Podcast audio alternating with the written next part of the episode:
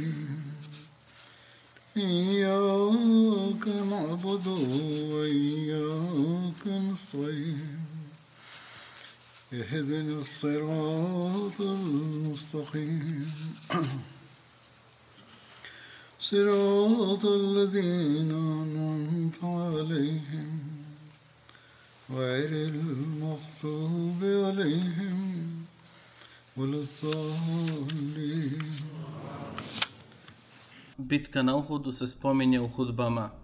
Kako je spomenuto, muslimani su nanijeli velike gubitke nevjernicima u ratu i oni su bili primorani da pobjegnu. Ali uprkos posebnoj naredbi časnog poslanika, sallallahu alejhi ve sellem, kada se većina koja je čuvala prolaz ispraznila prijevoj, neprijatelj je napao sa one strane i muslimanima nanio tešku štetu koja se opisuje na sljedeći način.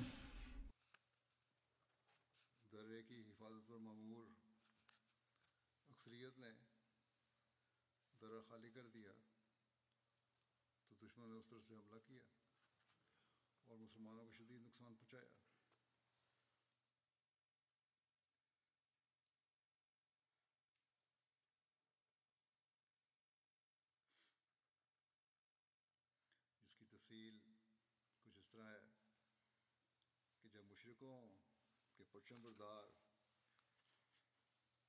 ایک ایک کر کے قتل ہو kada su zastovonoše nevjernika pobijeni jedan za drugim i niko se nije usudio da podigne zastavu ili da joj priđe, Mnogoboši su počeli da se povlače i okrenuli su leđa i pobjegli. Čak i njihove žene koje su do tada pjevale radosnim tonovima i pune entuzijazma svirajući tamburu, trčale su prema planini. Kada su muslimani vidjeli neprijatelja kako bježi, potjerali su ih da uzmu oružje i pokupe plijen. U isto vrijeme streljački odred muslimana koji je časni poslanik sallallahu alejhi ve sellem postavio na brdo i naredio im da se ni pod kojim okolnostima ne miču sa svog mjesta, pobjegao je da pokupi plijen.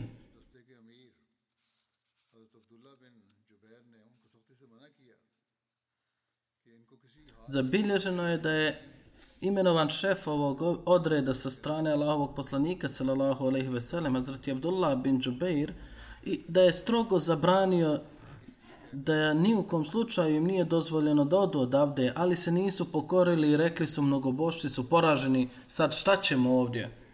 Rekavši to, ti ljudi su sišli s planine i počeli skupljati plijen. Iako je većina njih napustila svoje mjesto, ali njihov emir, Hazreti Abdullah bin Jubeir i još neki ashabi su ostali na svom mjestu, čiji je broj bio manji od deset. On je rekao onima koji su silazili, to jest onima koji su silazili sa prevoja, da nikada neću prekršiti naredbu Allahovog poslanika. Ovo je rekao njihov emir. Većina historičara i biografa pominje ashabe koji su napustili prevoj i navode da su žurili po plijen, pa su insistirali, insistirali na tome da kada svi drugi otmu plijen, onda zašto da mi ostanemo ovdje dok je njihov vođa Abdullah bin Džubej radijallahu anhu i zaustavljao i govorio da im da nam je naređeno časnog poslanika sallallahu alejhi ve sellem da šta god da se desi vi se nećete pomjeriti sa ovog mjesta. Tako da treba da ostanemo ovdje. Ali većina ovih ljudi nisu služi, nisu se složili sa riječima svog vođe i sišli su sa privoja da opljačkaju plijen. Ovo je napisala većina historičara u knjigama Hadisa i Tefsira. Općenito se spominje da su ovi ashabi zbog plijena požurili i napustili prijevo i otišli su. U tefsiru sure 153. ajeta u sura Ali Imran koji glasi Minkum man yuridu dunija wa minkum man yuridu lahira to jest ima među vama oni koji žele ovaj svijet a među vama ima onih koji žele onaj svijet. Komentarišući to, većina komentatora piše i da su ashabi tijeli brzo ići po plijen, ali ovo tumačenje da ashabi su napustili prijevor radi ovo svjetovne želje ne može biti prihvatljivo. O tome je Muslim Maud napisao i komentar koji nije objavljen, a ja ću sada to citirati.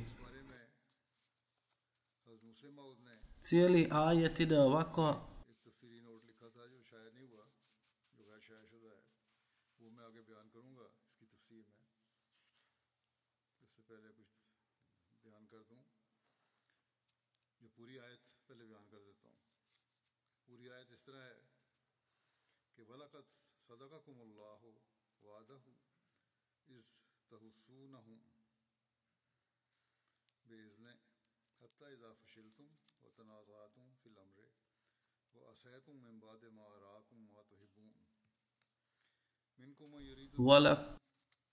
ولقد صدقت صدقكم الله وعده إذ تحبسونهم بإذنه.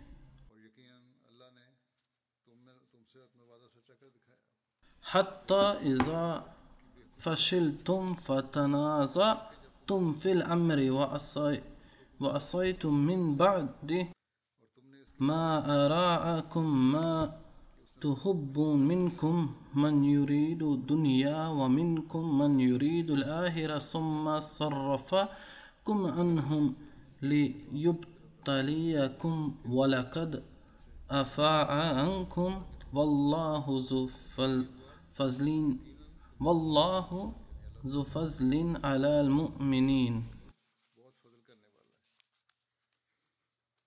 Sigurno vam je Allah istinski pokazao svoje obećanje kad ste njih voljom njegovom uništavali. Pa kad ste pokazali kukavičluk i počeli raspravljati među sobom o naredbi i pokazali neposlušnost, on vam je pokazao ono što ste željeli. Među vama je bilo oni koji su željeli ovaj svijet, a među vama su bili i oni koji su željeli onaj svijet. Onda vas je on udalio od njih da vas iskuša, i ono što se dogodilo, on vam je sigurno već oprostio, a Allah je milostiv prema vjernicima. Ovo je ajet čije tumačenje sugerira da ovo sve se izdešavalo oko plijena, ali ovaj ajet odnosi, odnosi na ovaj rat. Ovo mišljenje ili tumačenje zapravo protiv dostojanstva ashaba da, njim, da je njima stalo samo do plijena. Ovi ljudi su položili svoje žene, djecu, pa čak i svoje živote pred svog najdražeg Boga i njegovog poslanika, sallallahu alaihi ve sellem. A prije toga su također položili svoje bogatstvo i sredstva na isti način, kao što su opisani događaji da ovi ljudi su htjeli da izađu i bore se vani u čežnji za šehadetom, a ti ratovi nisu vođeni da bi dobili plijen. Ova, ova je optužba na muslimane, da u slučaju pobjede osvajanje plijena može biti sporedna stvar, ali sama želja i cilja sahaba nije bila da dođu do plijena. Međutim, u historiji Islama je na isti način dok opisuju život i biografiju časnog poslanika, sallallahu alaihi wasallam, historičari ili biografi ili muhaddisi ili komentatori Kur'ana napravili su nesvjesnu grešku oslanjajući se na predanja,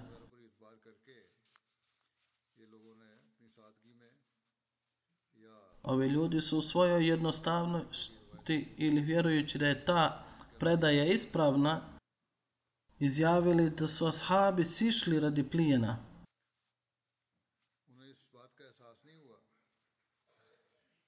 Nisu shvatali koliko se to može pokazati štetnim u smislu posljedica. Bilo da se radi o plemenitoj osobini poslanika ili ashaba koji su blagoslovljeni njegovom svetom moći.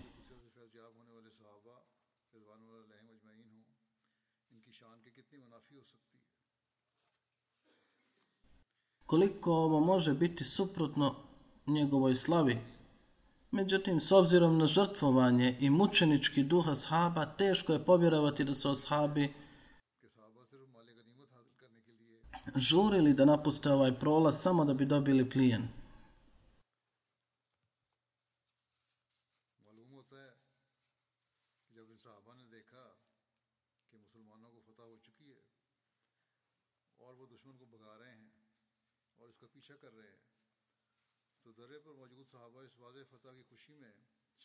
Poznato je da kada su ovi ashabi vidjeli da su muslimani dobili pobjedu i da jure neprijatelja, ashabi su na prijevolu postali željni da se pridruže radosti ove pribidne pobjede i u posljednjim trenucima ovog rata koji je završio pobjedom, bili su nestrpljivi da se pridruže radosti.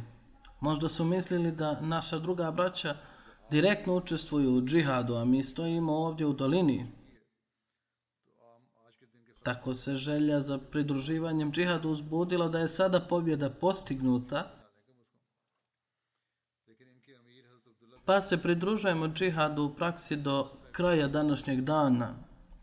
Barem proslavimo ovu pobjedu, ali njihov vođa zrti Abdullah bin Džubeir, koji se pokazao kao najmudriji čovjek, držao se naredbi časnog poslanika, selallahu alaihi veselem, da šta god da se desi, nećemo napuštati ovo mjesto, Njegova odluka da ne napuštamo ovo mjesto bila je ispravna. Odluka da se šta god dogodilo, ne smijemo se maknuti odavde. Kao što sam rekao, nek, neko tumačenje ovog ajeta nalazi se u ne, neobjavljenim bilješkama Hazreti Muslih Ma, Mauda.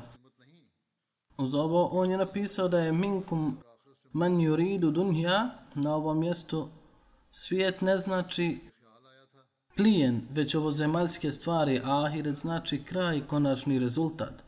Misliti da su imali ideju da nećemo dobiti plijen i u suprotnosti sa događajem, jer su u bedru čak i oni ljudi koji zbog nekih ograničenja nisu mogli da se uključe u rat, dobili udio u plijenu.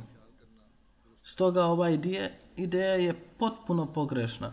Nije ispravno misliti o sahabima da su bili naklonjeni Dunjaluku, rekao Hazreti Muslih Maud onda je rekao da je prava stvar da su oni htjeli da učestvuju na bitku na Uhudu. Ovo je također bila svjetovna želja da se pridruže ovom ratu i ubijaju nevjernike. Ovdje se ne misli, ovdje se ne misli na uplitanje u plijen.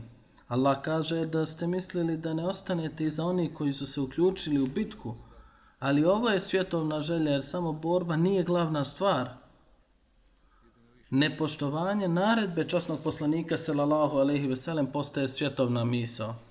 Sve što ste trebali to je poslušati naredbu, jer glavna stvar ovome je raditi onako kako je poslanik sallallahu alejhi ve sellem odredio. Biti tamo gdje je poslanik naredio, to je zapravo poslušnost i duh vjere, a ne sama borba. Iako je to bilo radi vjere.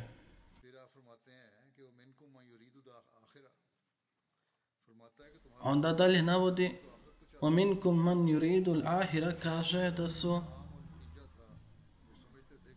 vaš vođa i njegovi drugovi su htjeli ahiret, imali su na umu kraj i rezultat. Smatrali su da ishod ovoga neće biti dobar. Gledao je na posljedice neposlušnosti. Tako su i njegovi drugovi vjerovali da je u pravu. Of, njihov vođa i njegovi drugovi koji su se složili da neće puštati napuštati ovo mjesto, došli su do konačnog zaključka da je naredba poslanika sallallahu alejhi ve sellem važnija od ulaska u rat. Sada je sve postalo jasno, ali naprotiv vaše oči su bile na površini.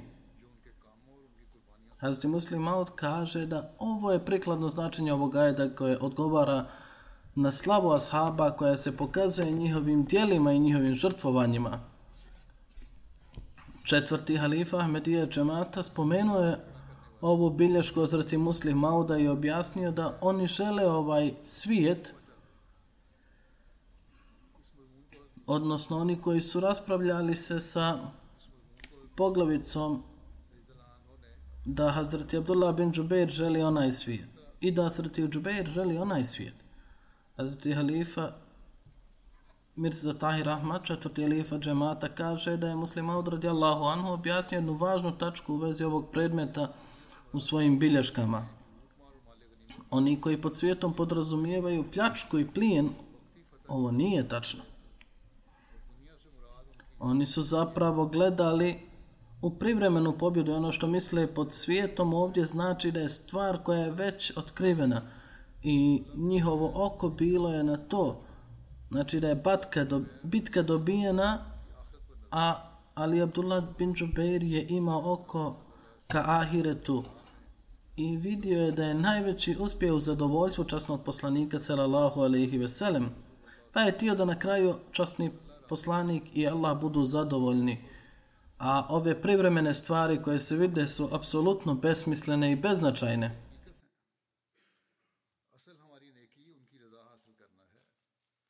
Naš, naša prava vrlina je da zadovoljimo njihovo zadovoljstvo. Halifa Rabi kaže da je Hazreti Muslim Adradi radijallahu Anhu rekao da je ova rasprava nebitna, da je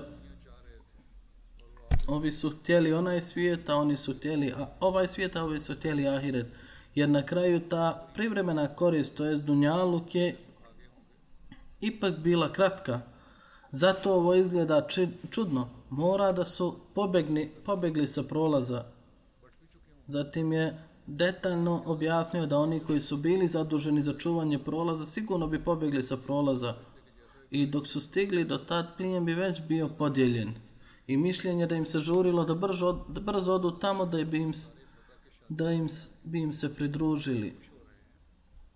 Zašto ne misle kao što kaže Kur'an, mislite dobro o svom narodu, da su išli sa namjerom da ka, ko svi ostali su pjevali pjesme pobjede kako su sretni, imaju čast biti u blizini Allahovog poslanika, sallallahu alaihi ve sellem, čestitaju jedan drugome,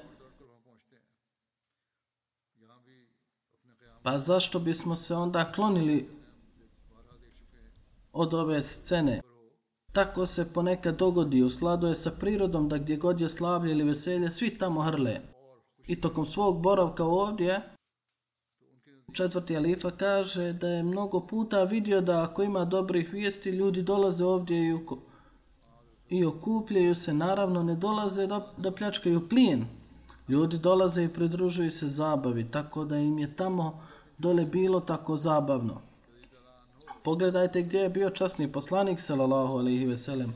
Svi uživaju okupljajući se oko časnog poslanika. Božje obećanje je ispunjeno. Mi ovdje stojimo sami, idemo i tamo. Ali Hazreti Abdullah bin Džubeir je bacio oko na ahiret, da je u to vrijeme veoma bitna stvar što smo mi što smo mi radi poslanika sjedili na jednu stranu ono što nam je zapovjeđeno je da ga poslušamo i ono što je ovdje uživamo, ova radost nema tamo gdje su se ljudi okupili.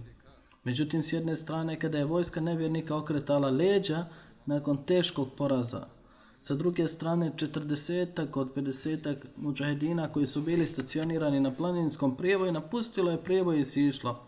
Halid bin Velid, koji još nije bio musliman, vidio je da je taj stacioniran streljački odred ispražnjen, ostalo je samo nekoliko muškaraca. Vidjevši to, poveo je sa sobom i kramu bin Abu Džehla i vratio se sa svojom konjicom. Stigli su do brda i napali ono malo ljudi koji su bili tamo. Ovaj njihov napad je bio toliko žestok da su jednim potezom ubili vođe ove trupe, Hazreti Abdullaha bin Džubeira i neke od njegovih drugova. Ocekli su dijela tijela dijelove tijela Abdullaha bin Džubeira, to jest ruk, nogu i drugi dijelove tijela. Nakon toga ova vojska Kurejšija je sišla iznenadila i opkolila muslimane. U to vrijeme muslimani su bili zauzeti prikupljanjem plijena i hvatanjem mušrika u zarobljenike. Kada je odjednom konjica mušrika naletela na njihove glave. Ovi ljudi su pjevali uzi u Hubal, što je bio moto mušrika na danu Huda. Čim su stigli do muslimana, odmah su ih stavili na svoje mačeve. Muslimani su se uznemirili i počeli bje, su bježati kuda god su stigli. Ostavljajući za sobom sav plijen koji su prikupili sve zarobljenike koje su uzeli, muslimani su se posvuda razbježali. Nisu ostali ni njihovi redovi ni njihov red. Jedan nije imao zna, saznanja o drugom. Zastava mušrika je ležala na zemlji sve dok iznenada vidjevši ovu novu situaciju. Žena Umra bint Al-Kama ju je podigla i počela glasnim glasom dozivati mušrike nazad. Kada su muslimani, kada su mnogo borci vidjeli podignutu zastavu, shvatili su da se bitka okrenula i svi su se vratili i okupili se oko zastave. Jedan pisac je napisao da je žena po imenu Umra bint Al-Kamah držala zastavu prekrivenu prš, prašinom i krvlju Kurejšija i podigla je. Ona je mahala i grdila one koji su pobjegli s terena. Ona je pozivala nevjernike Mekke da se vrate. Tada su se poraženi nevjernici okupili natrag na polju Uhuda i opkolili muslimane s preda i pozadi. Muslimani su zbog ravnodušnosti izgubili svoju orijentaciju pa više nisu bili u redu. Tog dana je ubijen veliki broj muslimana. Ono što je ranije bila pobjeda sada se pretvorilo u poraz.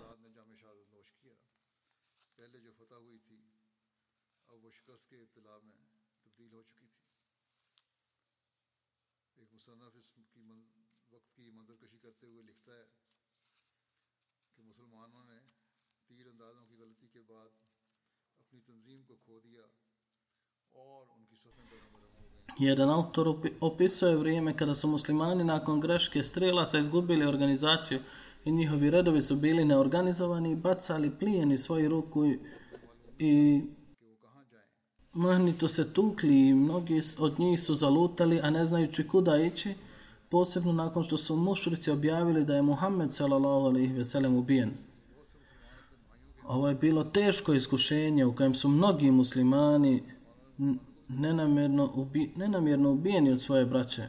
Ponekad su muslimani greškom ubijali i muslimani očekivalo se da će veliki broj neprijatelja koji se reorganizovao nakon Halidove akcije uništiti i strijebiti mali broj muslimana. Ali u svakom slučaju Allah Đelešanu je opet dao svoju milost i pokazao svoju milost ono što su neprijatelji hteli, to se nije desilo.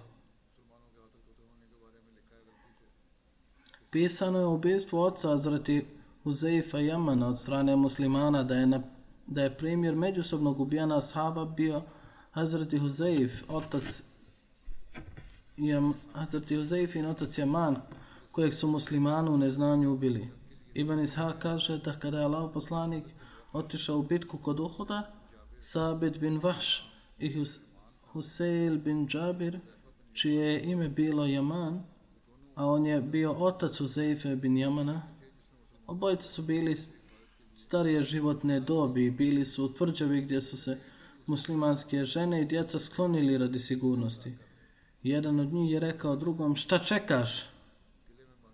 Znači, dva, dva starca sjedila su u tvrđavi, počeli su da pričaju i rekli, šta čekamo? Zar nećemo pokupiti svoje mačeve i otići da se sretnemo sa Allahovim poslanikom? Možda će nas Allah blagosloviti šehadetom.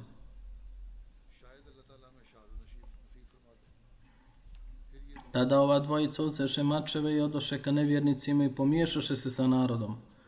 Naime, muslimani su znali da ova dva, ove dvije starešine nisu bili uključeni u bitki da su, u bitku i da su bili prisutni u Medini.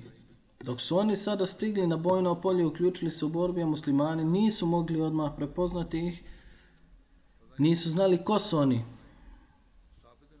Sabit bin Vahš je ubijen od strane nevjernika, a Huzeifin otac je ubijen od strane muslimana u neznanju. Huzeifa je rekao, tako mi Allah, ovo je moj otac. Vidio je šehide i rekao, ovo je moj otac. Muslimani su odgovorili, tako nam Allaha mi ga nismo prepoznali, greško je ubijen i zaista su govorili istinu. Uzeifa je rekao, neka vam Allah oprosti, on je najmilostiviji. Zatim je časni poslanik, sallallahu alaihi ve sellem, htio da Uzeifi dadne odmazdu radi njegovog oca kojeg su muslimani greškom ubili, ali Uzeifa je to odbio i oprostio muslimanima. Ovo je značajno povećalo Uzeifin status u očima Allaha, njegovog poslanika i među muslimanima.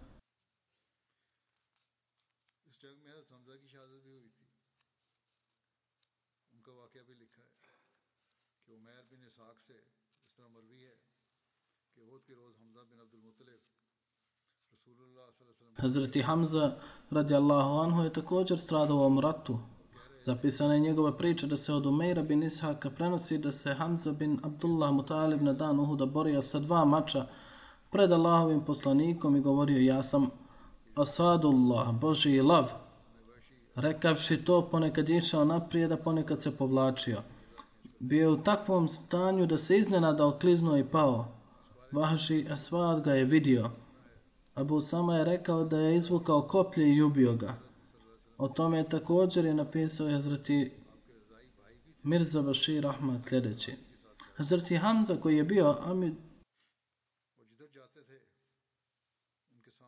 Amidžić časnog poslanika sallallahu alejhi ve sellem također je bio njegov pohranjeni brat. Borio se veoma hrabro i gdje god da je krenuo rastorio je redove Kurešija, ali ga je pratio i neprijatelj. A Džubeir bin Mutam je sa sobom doveo besinskog roba po imenu Vahši sa obećanjem slobode ako na bilo koji način ubije Hamzu koji je ubio Džub, Džubeirovog Amidžu Taimu bin Adija u bitci na Bedru kako bi uzeo osvetu za ubijstvo svog Amidža.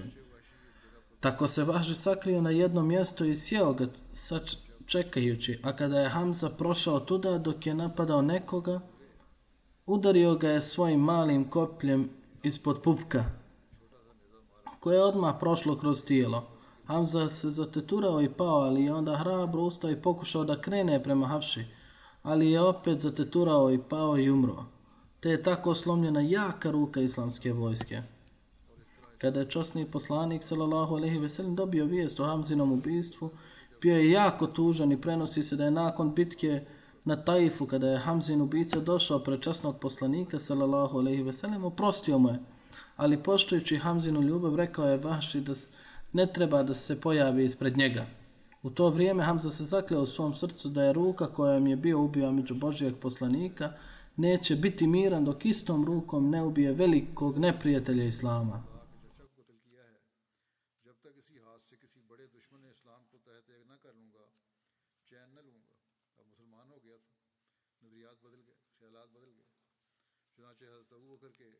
Tada je postao musliman i ideje su se promijenile, misli su se promijenile.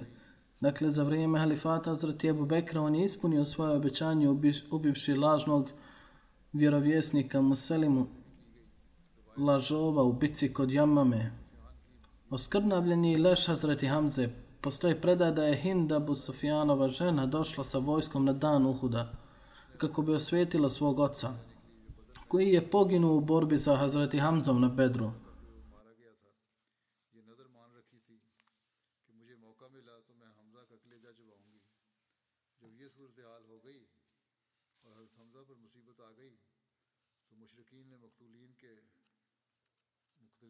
غسلہ کر دیا ان کی شکلیں بگاڑ دیں ناک کان وغیرہ عضو کاٹے وہ حمزہ کے جگر کا ایک ٹکڑا لائے ہند اسے لے کر چباتی رہی Kada se desila ova situacija i nevolja je zadesila Hazreti Amru, Hamzu, mušrici su raskomadali žrtve i unakazili ih, izrezali su nos, uši i tako dalje, donijeli su komad Hamzine jetre, u Hindi i ona je to sažvakala da bi jela, ali kada nije mogla da to proguta, bacila ga je. Za ovaj događaj saznao Allah poslanik sallallahu alejhi ve sellem i rekao je da je Allah zauvijek zabranio vatri da okusi bilo koji dio Hamzinog mesa. Postoji predaja o osjećajima koje je časni poslanik sallallahu alejhi ve sellem- ve sellem kada je došao do leša Hazreti Hamze i saopćio mu radosni vijest o njegovom visokom položaju. Prenosi se da je poslanik sallallahu alejhi ve sellem vidio leš Hazreti Hamze dok je jetra bila uklju, uklju, uklonjena i sažvakana. Ibn Hisham kaže da je Allah poslanik sallallahu alejhi ve sellem došao i stao pored leša Hazreti Hamza i rekao, O Hamza, nikada me neće zadesiti nevolja poput ovoga, nikada nisam video bolniju scenu od ove. Zatim je rekao, Džebrail je došao i obavijestio me da je Hamza bin Abdul Mutalib zapisan na sedam nebesa kao Allahov lav i lav njegovog poslanika. Hazreti Alifatul Mesih Sani navodi da je jedan od najžešćih neprijatelja časnog poslanika sallallahu alejhi ve sellem bila Hinda koja se toliko žestoko protivila da je prilikom bitke na Uhudu huškala ljude recitirajući poeziju govoreći idi i napadaj islamsku vojsku i kada je za muslimane nastupila opasna prilika rekla je onaj koji će izvoditi bubreg Hamze koji je bio Amidžu časnog poslanika i donijeti mi ga isto tako će odseći nošseve i uši i donijeti i meni i ja ću ga nagraditi pa je tako postupano i sa mrtvim tijelom Hazreti Hamze. Posle rata, kada je časni poslanik sallallahu alejhi ve sellem saznao da je njegov amidžo skrnavljen na takav način, on je prirodno bio u bolu rekao je da kada su neprijatelji započeli ovakvu vrstu okrutnog postupanja, tako će se prema njima ponašati na isti način – Tada mu je došla objava od uzvišenog Allaha da uprkos njihovom okrutnom ponašanju ne treba da poduzme takve radnje i da postupa sa oprostom i milošću, tako da je to bilo zabranjeno islamu. Zabilježen je događaj u vezi sa sestrom Hazreti Hamze koja je pokazala zavidan primjer strpljenja i poslušnosti. Od Hazreti Zubeira se prenosi da je na kraju gazva Uhud, bitka na Uhudu viđena žena kako dolazi s prednje strane velikom brzinom. Bila je blizu da vidi mrtva tijela šehida. Časni poslanik sallallahu alejhi ve sellem nije smatrao dobrim da jedna žena dođe tamo i vidi leševe koji su bili u veoma lošem stanju, jer je većina njih bila unakažena. Zatim je rekao, zaustavite ovu ženu, zaustavite ovu ženu. Hazreti Džubeir kaže, pažljivo sam vidio da je ovo moja majka. Hazreti Safija pa sam potrčao prema njoj i sustigao je prije nego što je stigla do tijela šehida. Nakon što me vidjela, udarala me u prsa i gurnula nazad. Bila je jaka žena i rekla je, odmakni se, neću slušati ništa što govoriš. Prenio sam da je časni poslanik, sallallahu alejhi ve sellem naredio da te zaustavim da vidiš mrtva tijela. Čim je to čula, stala je iznijela sa sobom dvije odjeće i rekla, ovo su dvije odjeće koje sam donijela za svog brata Hamzu, jer sam primila vijest o njegovom šehadetu. Međutim, ona nije poslušala svog sina i gurnula ga je nazad, ali kada je čula poruku časnog poslanika, odmah je poslušala i stala. Čim je čula ime časnog poslanika, čak i u stanju žalosti, ona je zadržala razum i poslušala.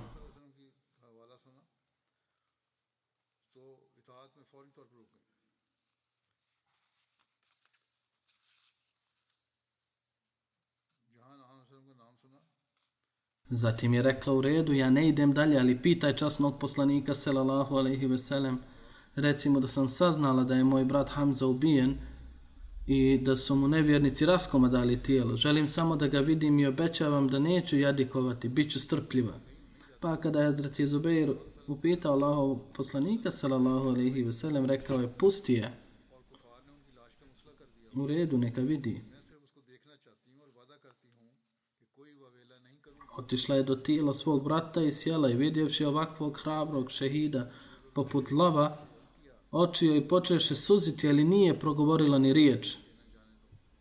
Prema predaji došao je i Allahu poslanik, sallallahu alaihi veselem, i sjeo pored nje, a suze su mu počele teći iz očiju. Hrabra i strpljiva sestra se neko vrijeme odal je na neko vrijeme odala počas suzama, pa ustala i zamolila sina da dovede, donese dva čaršafa za njenog brata, kako je ranije rečeno. Dobila sam vijest o šehadetu, zato sam je i donijela. Trebalo bi ga sahraniti u ovoj odjeći. Pre, prenoslac kaže da kada smo počeli da pokrivamo Azreti Hamzu ove dvije, ova dva prekrivača, vidjeli smo da pored njega leži Ansari, šehid, prema njemu učinjen isti tretman kao i pred, prema Hazreti Hamzi. Postidili smo se što zrati Hamzu treba umotati u dva platna, a ovaj Ansarija ne bi imao ni jedno platno. pa smo odlučili, odlučili da zrati Hamzu umotamo u jedno platno, a ovog Ansariju ashaba obučemo u drugom. Nakon procene ustanovljeno je da je jedan od dvojice bio viši. Izvukli smo žrebi, prema tome smo postupali, to jest omotali smo leš platnom koje, kako je bilo određeno. Hazreti Lifatul Mesih, ali ovo kaže,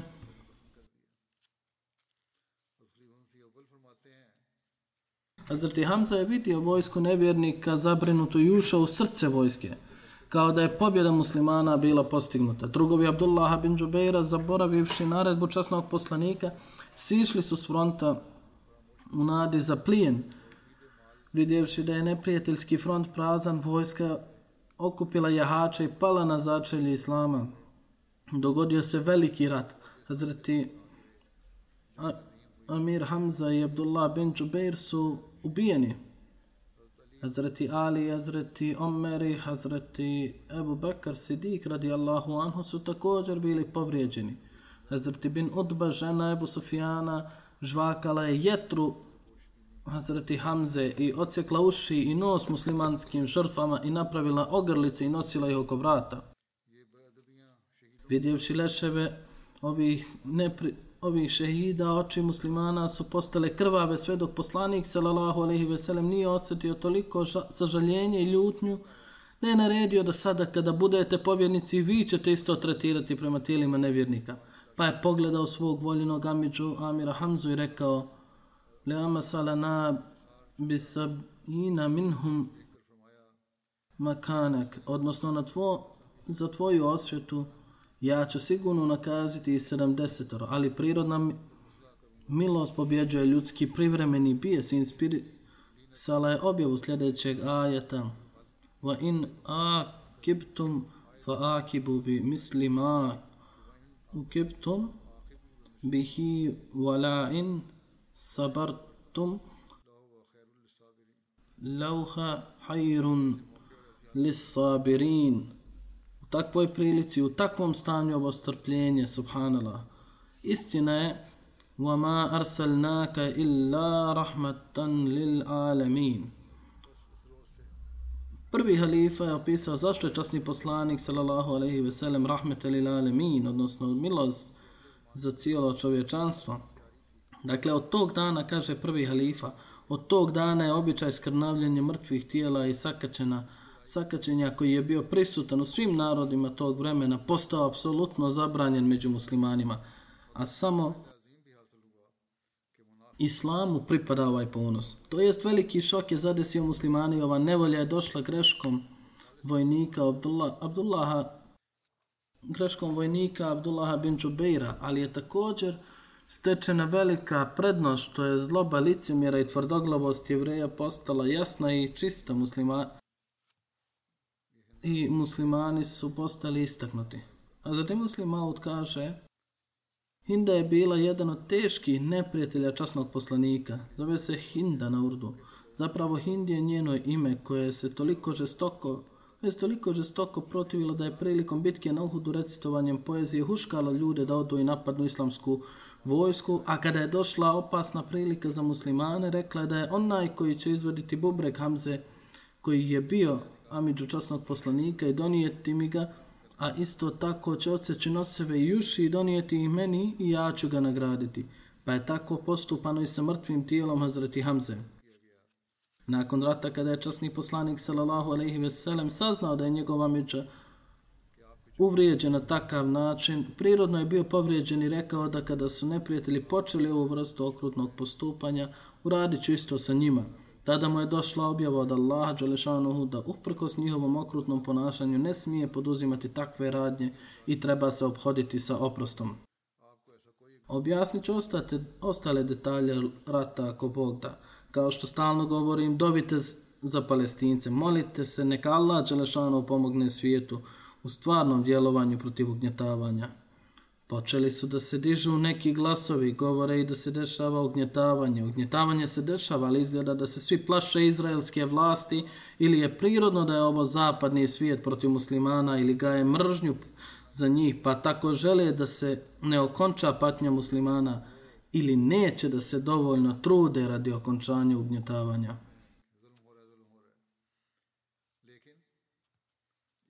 oni ne vide da ima nevine djece.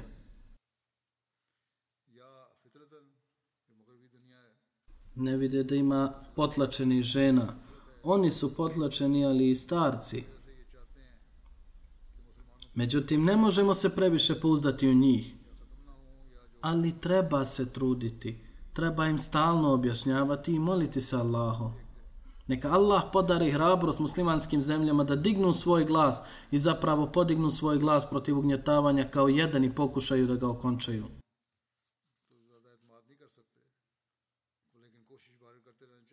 Nakon namaza predvodit ću ne jednu dženazu, odsutstvo već dvije. Prva dženaza je šejha Ahmeda Huseina Abu Sardane koji je živio u Gazi.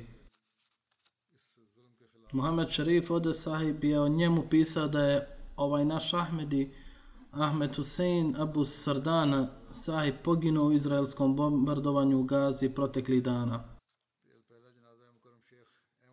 Ina lillahi wa ina ilaihi rađiun. Allahu pripadamo i njemu ćemo se vratiti. Ovaj rahmetli je prvi Ahmedi koji je šehid u Gazi u tekućem ratu. Šeji Ahmed Abu Sardana sajb je imao je oko 19, 94 godine. On je bio među učenjacima koji su diplomirali na univerzitetu Al-Azhar. 1970. godine posjetio je Haifu sa nekim svojim prijateljima. Kako je to bio dan Bajrama po Božijem planu, Rahmetlija je sa svojim prijateljima stigao do Kababira na Bajram namaz. Maulana Baširuddin Bejdullah Rahmetli Muballig spomenuo je pojavu imama Mehdija tokom hudbe u Bajramu što je povećalo interesovanje Rahmetli Šejha Ebu Sardane. Rekao je Ahmedi Alaudin Odi koji je sjedio pored njega da mu se organuje, organizuje detaljan sastanak sa Maulanom Baširudinom Ubeidullahom. Tokom razgovora rekao je Maulani sahibu da imam savjet svog rahmetli oca da ako dobijem vijest o dolasku imama Mehdija u, u svom životu morate se zakleti na vernost. Tako istog dana je prihvatio džemat. Vidjevši njegovu odanost, neki od njegovih kolega su se također zakleli na odanost i dale bajat. Rahmetlija je bio veoma cijenjen, kao cijenjen učenjak u svom kraju. Nema djece, ali među njegovim najmilijima ima iskrenih i muslimana. Nakon zakletve vjernosti, Rahmetlija je nastavio ići u Kababir i ostao je u kontaktu sa Ahmedijama iz Kababira. Jako je voleo hilafet i mnogo puta je izražavao da je pravi Ahmedi. Imao je izuzetnu privrženost časnom Kur'anu. Učio je časni Kur'an jednom svake sedmice. Čak mi je poslao poruku preko snimka u kojoj se ispominje. Bivši mufti, mufti Alamin pak, Palestine, šeji Mohamed Husein Abu Sardana, bio je brat rahmetli Ahmeda Ebu Sardane. Njegova supruga koja mu je druga žena također je povređena u ovoj nesreći. Neka je Allah pomogne i izliči je. Doktor Aziz Hafiz je išao odavde pod sahimenitih frstom. Tada je imao priliku da ga upozna. Rekao je, Kada sam otišao da ga upoznam, pokušao je da ustana, ustane u, u znaku poštovanja. Rekao sam mu da sjedne. Postao je veoma emotivan i dodirnuo me je štapom i rekao You are, vi ste predstavnik halife koji stoji ispred mene i kako da ja sjedim. Imao je veliko poštovanje prema hil, halifatu. Onda me uhvatio za ruke i rekao da je obećani Mesija došao u zemlju odakle ste vi. A njegova ljubav prema obećanom Mesiji i halifatu je bila tolika da doktor Hafiz kaže videvši to i ja sam počeo plakati. Onda mi je rekao preko doktora, onda mi je preko doktora poslao poruku na mobilni telefon. To je snimio je poruku. I to ću vam citirati. U poruci koju je poslao je rekao Svedočim da nema drugog Boga osim Allaha i da je Muhammed njegov poslanik. Assalamu alaikum, o peti halifa obećanog Mesije. Čitam cijeli Kur'an jednom svake sedmice. I prilikom sabah namaza svaki dan se molim za tebe. I o moj halifa, pomozi mi i spasi me. U teškoj sam duhovnoj nevolji.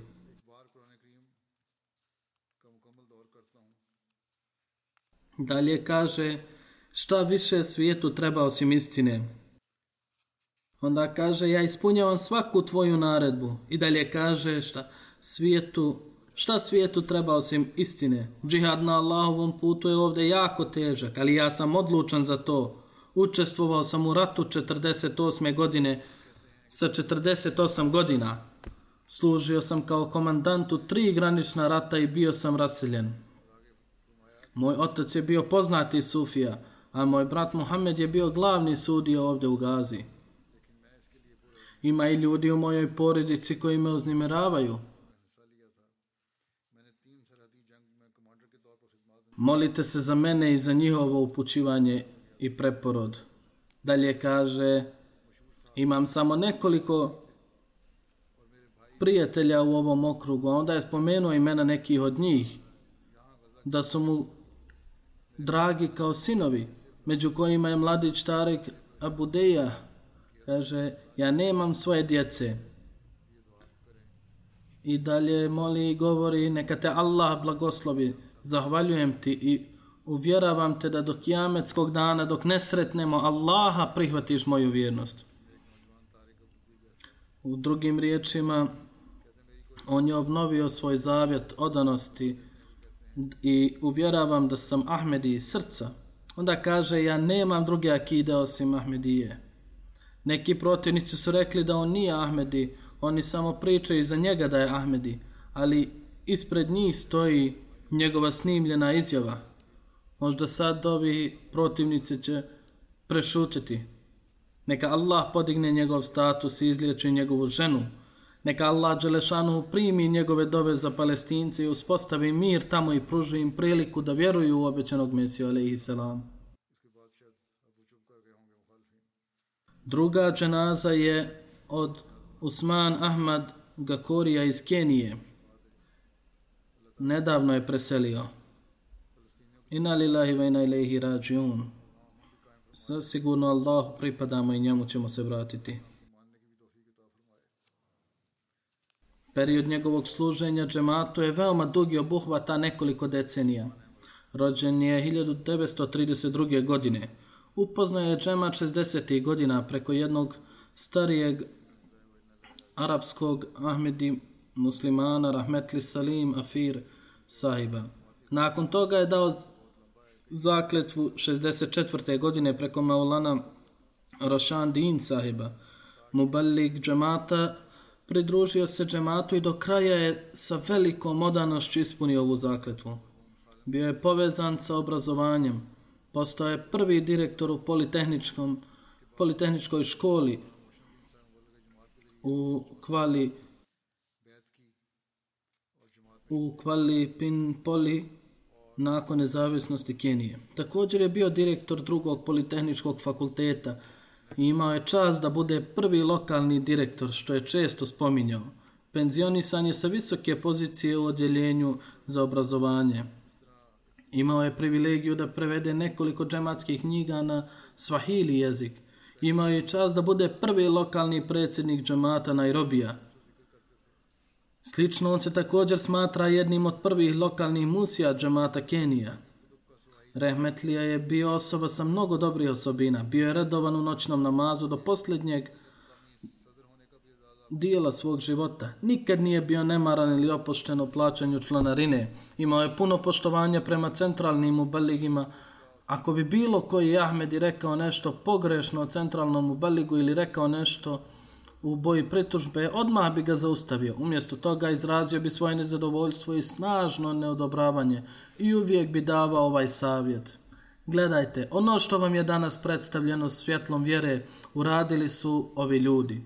Sve što ste mogli vjero, svi, sve što ste mogli vjerovati, vjerovati u obećanog Mesiju, ali i selam je zbog njih. Inače biste bili u neznanju. Dakle, ovo je naklonost ovih ljudi vama i također usluga vašim generacijama. Zato ne radi takve stvari. U svakom slučaju ovo je bila njegova varlina. Naši imami koji su novi također bi trebali postaviti svoje visoke standarde kako bi bili uzor novim ljudima. Slično, atribut gostoljubivosti je također bio veoma visok od umrlog. Gotovo sva vaša djeca su povezana sa džematom. Sva, gotovo sva njegova djeca su povezana sa džematom i u stanju su služiti džematu razno raznim funkcijama. Jedan od njegovih sinova, Abdulaziz Gakorija, trenutno je predsjednik Međlisa Ansarullah Kenije. Neka ga Allah Đelešanuhu tretira sa milošću i oprostom i podigne njegov položaj i da njegovoj djeci priliku da slijede njegov primjer.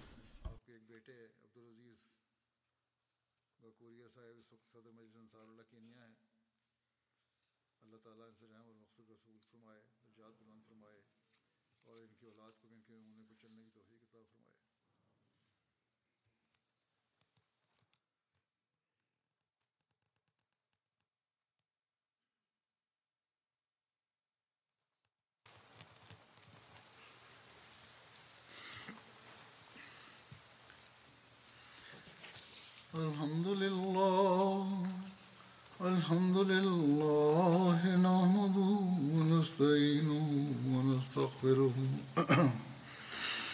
ونؤمن به ونتوكل عليه. ونعوذ بالله من شرور أنفسنا ومن سيئات من يهده الله فلا مضل له ومن يضلل فلا هادي له. ونشهد أن لا إله إلا الله ونشهد أن محمدا عبده ورسوله. عباد الله رحمكم الله. إن الله يأمر بالعدل واللسان وإيتاء ذي القربى وينهى عن الفحشاء والمنكر والبغي يعظكم لعلكم تذكرون اذكروا الله يذكركم وادعوه يستجب لكم ولذكر الله أكبر.